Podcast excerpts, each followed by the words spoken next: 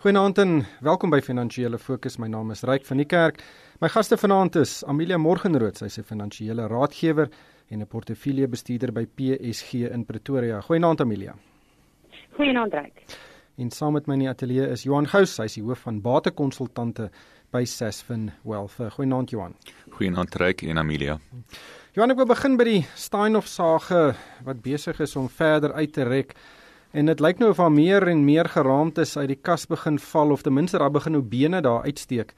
Ehm um, en hierdie week het ons nuus gekry dat Dr. Christo Wiese, natuurlik een van Suid-Afrika se grootste entrepreneurs, miljardêr en 'n voormalige voorsitter van Steinhoff, uh, net voor die ineenstorting van Steinhoff twee verdagte transaksies met Steinhoff gesluit het en dit hou verband met die verkoop van 5 miljard rand se Steinhoff Africa retail aandele of Star aandele En uh, dit is voordat hy dit sou ontvang deur die transaksie waardeur Shoprite aan Star um, verkoop sou word. 'n uh, Tamelike ingewikkelde transaksie, maar die groot ding is dat Steinhoff het gesê hierdie transaksies het nie aan koöperatiewe standaarde voldoen nie en hulle gaan dit ondersoek.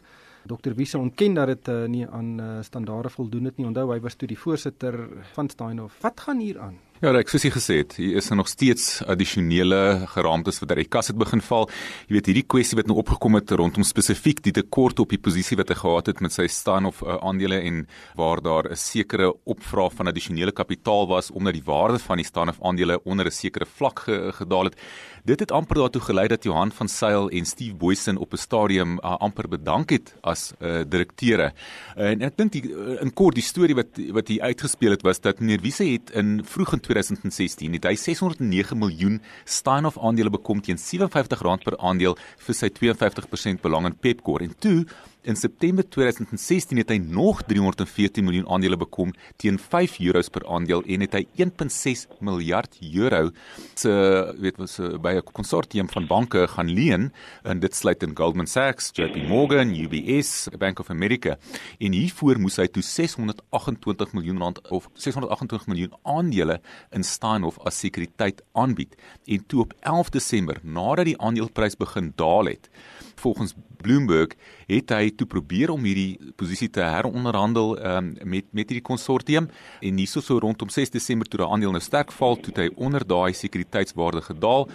Nou meneer Wiese ontken dat hy vir Steinhoff gevra het om daardie vir daardie tekort in te staan en op hierdie stadium lyk dit of meneer van Sail en Steve Boysen hulle wil nie kommentaar lewer op hierdie situasie nie en meneer Wiese ontken dit. Amelia as mense dit nou vereenvoudig dan beteken dit uh, Dr Wiese het 'n geweldige hoeveelheid skuld aangegaan meer as 20 miljard rand om Steinhoff aandele te koop.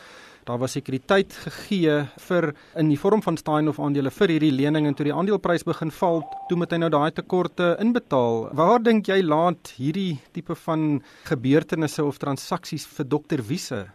Ja, kyk, hierdie is um, die die bedrag wat waarvan gepraat word, reik is astronomies. Mens kan amper nie dink dat sulke massiewe transaksies binne 'n maatskappy plaasvind en aandeelhouers word nie daarvan ingelig nie, nou. En dit is duidelik dat hulle eintlik ehm um, die moontlikheid van 'n transaksie tussen Star en ehm um, Steinhoff en Shoprite, hulle het hulle dit vooruitgeloop het en reeds begin het om ehm um, in plek te daarvoor vir uitverkope en um, sulke tipe tipe goed voordat daar nog enigiets um, daarvan gekom het. So ek dink jy weet hulle bietjie die maatskappy wat so reuse genoteerde maatskappy is, 'n bietjie ehm um, gebruik soos wat iemand 'n klein privaat maatskappytjie sou gebruik, né? Nou, want baie kry baie keer sakemanne met kleinerige maatskappytjies, hulle is die enigste ehm um, direkteur en die eienaar en dan kan hulle baie keer allerlei uh, snaakse transaksies deur die maatskappy sit of daar doen en niemand weet eintlik nie of niemand gee regtig om nie want dit is daardie persoon se eie maatskappy. Maar in hierdie geval is dit interessant vir my dat Steinhoff basies soos 'n klein privaat maatskappytjie hanteer is en hulle eintlik sou of maar net gedoen het wat hulle wil en allerlei snaakse transaksies gedoen het. So dit is eintlik nogal 'n bietjie teleurstellend dat sulke goed gebeur. Ehm um, en dan dat niemand dit eintlik werklik gekeer gekeer het nie, want nou eers kom al hierdie goed uit. Maar waar dink jy los dit vir Dr Wisse? Ek dink sy reputasie is al reeds so aangetast dat um, in die verlede, jy weet enige maatskappy waar hy betrokke was, het 'n uh, uh, baie goeie waardasie gekry op die aandelebeurs suiwer net omdat um, hy soveel aanhang gehad het en omdat hy um, soveel bewondering in die besigheidswêreld geniet het. En ek dink dit is nou heeltemal iets van die verlede. Ek dink enige maatskappy wil baie gaan betrokke wees of wat hy enigstens waar dit lyk asof hy 'n vinger in in in net ehm um, gaan daar gaan net geen aanhang daarvoor wees en gaan geen niemand gaan belangstelling daarin te belê nie en jy sien dit klaar met die maatskappye op ons aandelebeurs wat ehm um, waarby hy betrokke is dat hulle werklik sukkel om mond daarof te maak en dat hulle waardasievlakke net dood en vinnig in die grond in ingevat word. Ryk net om daarbey aan te sluit, jy weet, ek dink hulle daar's 'n gesegde in die sportwêreld wat sê jy's net so goed soos jou laaste wedstryd. En en en weet, hooplik is hierdie nie die laaste wedstryd meneer Wiese nie en hooplik kan hy herstel hiervan, maar die feit is daar's baie vrae oor wie het wat geweet in hierdie staan of saak. Johan presies, hoekom is hierdie maatskappy nog genoteer? Hoekom is hy notering nog nie opgeskort nie. Jy sien hierdie waardeverwoesting nog verder weet bykans weekliks omdat nuwe inligting bekend raak en nog steeds die aandeel kry pak sla. Hy is vinnig op pad na weet jy kan seker nie onder 0 val nie. Maar daar is klein beleggers wat beskerm moet word. Die JSE en die Frankfurtse beurs moet inkom om hierdie notering op te skort totdat ons weet wat gebeur het. Ek stem met jou saam, ek hierdie is 'n komplekse situasie. Daar's baie partye betrokke hierso en op die einde van die dag gaan dit oor daai belegger wat homself nie kon beskerm het uh, op die einde van die dag is hy individu uh, wat sy geld, sy aftreegeld in hierdie maatskappy gehad het. Dit was natuurlik een van die baie gunsteling of 'n baie groot maatskappy waarin klein beleggers belê het. Amelia, nog 'n vreemde storie oor uh, eh, notering op die JSE is die uh, beplande notering van Sagarmatha. Dit is 'n baie indrukwekkende naam, dit verwys na Mount Everest en dit is 'n maatskappy uh, van Dr. Iqbal Survey. Um, hy's natuurlik die eienaar van Independent Newspapers en 'n paar ander bates, ander maatskappye. En hy wil hierdie maatskappye saamvoeg om en dit noteer en dit is bemark as 'n uh, die nuwe tegnologie reus van Afrika. Dit sal wees soos Amazon en Google en sulke maatskappye in Afrika. Toe verskeie joernaliste bietjie die voornoteringsverklaring gaan dissekteer en verskeie ongeruimthede gevind insluitende baie hoë waardasies van sekere bates en hulle sê basies die notering vind plaas om uh, bankrotskap van die maatskappy te vermy. Jy weet en gelukkig het die JSE weet om donderdag besluit hierdie notering kan nie voortgaan nie omdat die maatskappy nie aan die maatskappywet voldoen nie. Wat maak jy hiervan? Ja, dit is baie moeilik. Ek het aanvanklik die eerste keer gehoor het van die notering. Um, jy weet gewoonlik 'n nuwe notering is iets wat redelik 'n uh, eh, publieke inligting is en bekend is en maatskappye wil graag um, met 'n nuwe notering, jy weet, maatskappye sou bekendstel want hulle wil hê daar moet belangstelling wees in die verhandeling van die aandele want hoe meer belangstelling daar is, hoe sterker is die moontlikheid dat die aandeleprys kan opgaan as as die um, deelnemers tevrede is.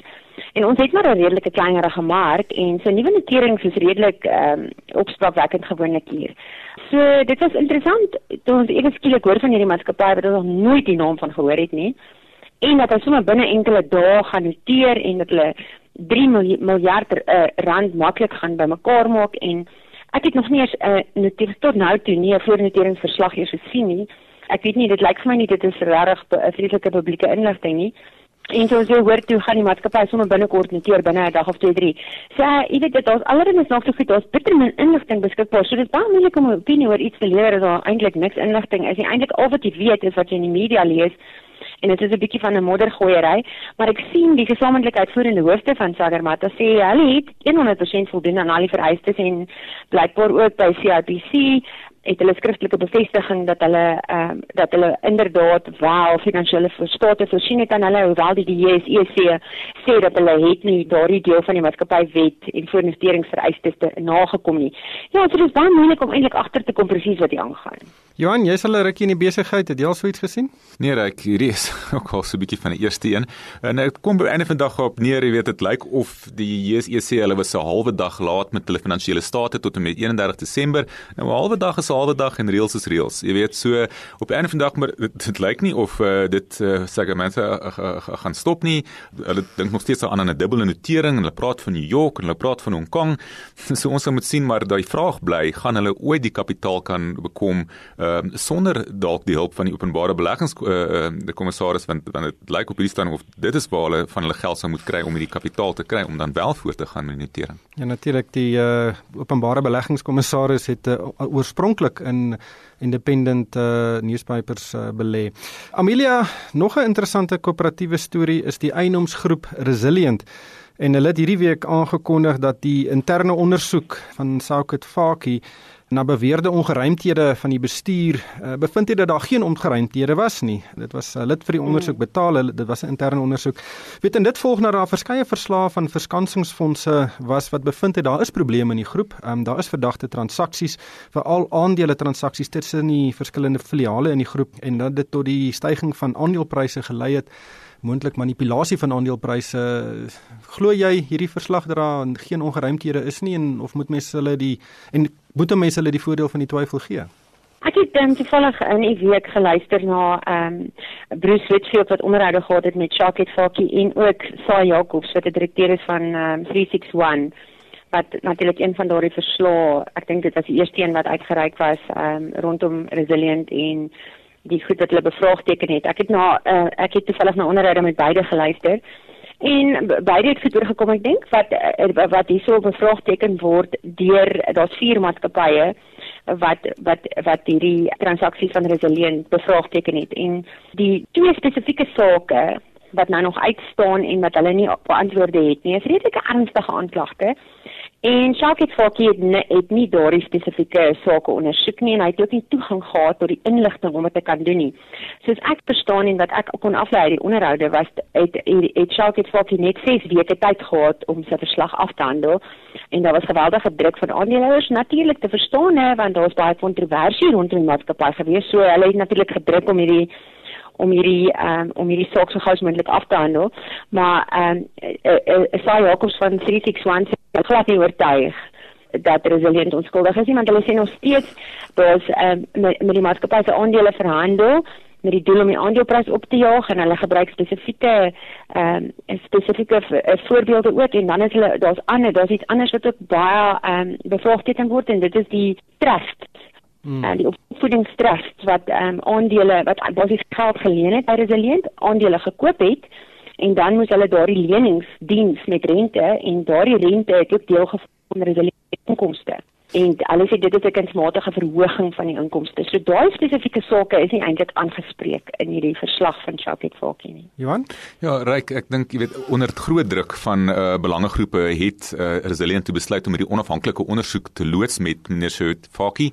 Uh, en hierdie verslag uh, is daar nou vraagtekens oor omdat soos Amelia ook reg uh, opgemerk het, hy het nie toegang gehad tot al die verhandelingsinligting van hoe hierdie uh, aandeel sedert die begin van Januarie verhandel het op die beurs nie uh op hierdie stadium die uh Raad van Finansiële Dienste of die FSCA soos hy nou bekend staan is besig met hulle eie ondersoek en dan ook die JSE en die vraag by enige dag gaan wees is gaan die bevindinge van daardie twee partye se verslae in lyn wees met hierdie verslag? So wat julle sê is dat hierdie Saket Fakie verslag is nie die papier werd waarop dit geskryf is nie want dit het, het nie die grondliggende aantuigings ondersoek nie Korrek en ek dink uh, op hierdie stadium, jy weet, is dit maar weer eens 'n geval net soos met ons met Steinhoff sit. Ons wag vir 'n paar antwoorde. Hmm. Net laastens uh, Amelia, die Wêreldbank het sy groeiverwagting vir Suid-Afrika opwaarts aangepas. Nou nie 'n astronomiese aanpassing nie, dit uh, hulle verwag nou groei van 1,8% vir vanjaar en 1,9% vir volgende jaar. Dit's 'n bietjie laer as die Reserwebank en die uh, van die um, graderingsagentskappe se uh, waardasies se verwagtinge, maar Dit is ten minste positief. Ons is nou nie weer naby 0% en en uh, weet weet uh, gissings dat ons dalk in resessie kan verkeer nie. Wat maak jy van daai syfer? Hm. Dit is maar baie naby aan nul, hoor ek. ja, dit is baie dit is baie nader aan baie verder van nul as verlede jaar. ja. Nee, kyk, danksy ehm um, danksy 'n bietjie van 'n verbetering in die ver, in die uh, vertroue vlakke ehm um, van uh, die van die, van die besigheidswêreld en dan ook hierdie redelike goeie ehm um, transisie wat ons beleef het ehm um, van van Zuma na Cyril Ramaphosa lyk dinge so 'n bietjie beter en ek dink jy weet dit gaan seker nie hoe laer jou basis is en kyk van 'n baie lae basis af is dit seker nie is dit is dit seker bietjie makliker om 'n uh, bietjie groei aan te teken. Die probleem is dat dit nog steeds nie oor 2% is nie. Dat ons ten minste ons het ten minste 2% nodig om 'n verskil te maak in hierdie land en om die per capita uh die posisie van hmm. van die inwoners van Suid-Afrika te verbeter en ongelukkig het ons dan nog nie daai vlak bereik nie. Ja, so dis nie ek weet nie, dis nie werklik iets om vreeslik opgewonde te oor te raak nie, maar is darem ten minste nie negatief nie. Dit is ten minste beter as wat ons aan gewoond geraak het die laaste jaar of twee. Was altyd net negatiewe nuus en ja. um, ten minste is dit beter. Johan, om hierby aan te sluit. Ons sien ek nou daar's dalk 'n handelsoorlog tussen Amerika en China. Donald Trump is besig om uh, Amerikaanse beleid via Twitter aan sy mededingers oor te dra. Weet daar is baie skeptisisme oor wat gaan gebeur in die nabye toekoms. Die rand het verswak saam met ander ontleikende geldeenhede. En dit gaan natuurlik ook 'n impak hê op ons uh, groeikoers in die volgende jare wat. Ja, ek weet vir my is dit uh bekommerniswaardig as 'n president met Twitter besig is om sy beleid hierdie wêreld uit te stuur. En dis nie dit is nie net gewone beleid nie, hy dreig uh met uh, missiele en en uh weet gewapende reaksie. Ja, ek en daarom kan ons maar net hoop dat die ander party wat betrokke is net 'n uh, koelkop sal hou ten minste. Maar ja, dit is nie goed vir sentiment nie. Jy weet die wêreldekonomie het so mooi begin optel. Selfs die internasionale monetaire fonds het nog in hulle mees onlangse verslag aangedui dat hulle verwag beter groei. Nou kan ek kan ons dalk verwag dat die internasionale monetaire fonds in hulle jongste verslag wat nou in April moet uitkom, dalk gaan sê hulle gaan weer 'n afwaartse aanpassing maak aan wêreldekonomiese groei. So wat beteken dit vir Suid-Afrika? Kyk, as China 'n bietjie gaan swaar kry as gevolg van 'n handelsoorlog, dan beteken dit uh, dit swakker uitvoere van ons uit 'n kommoditeitsoogpunt. Nooit goed nie. Die rand self het eintlik redelik stabiel gebly, maar dit is meer as gevolg van 'n swakker dollar as gevolg van die moontlike impak van die Chinese wat kan terugkom en sê maar ons gaan nie meer van julle uh, skuldinstrumente koop nie. Dit kan die dollar onder groot druk plaas. So kom ons wees bly dat die rand ten minste relatief stabiel bly, maar dit is nie goed vir sentiment nie en ook nie vir ons markte soos ons gesien het hierdie laaste week nie. Dit wys ook dat Suid-Afrika het nie 'n monopolie op uh, politieke vuurwerke nie. Maar ongelukkig het die tyd ons ingehaal. Baie dankie aan Amelia Morgenrood. Sy is 'n finansiële raadgewer en portefeuljebestuurder by PSG in Pretoria en Johan Gous, hy is die hoof van batekonsultante by Sasfin Wealth. En vir my ryk van die kerk, dankie vir die saamluister en ek hoop almal het 'n winsgewende week.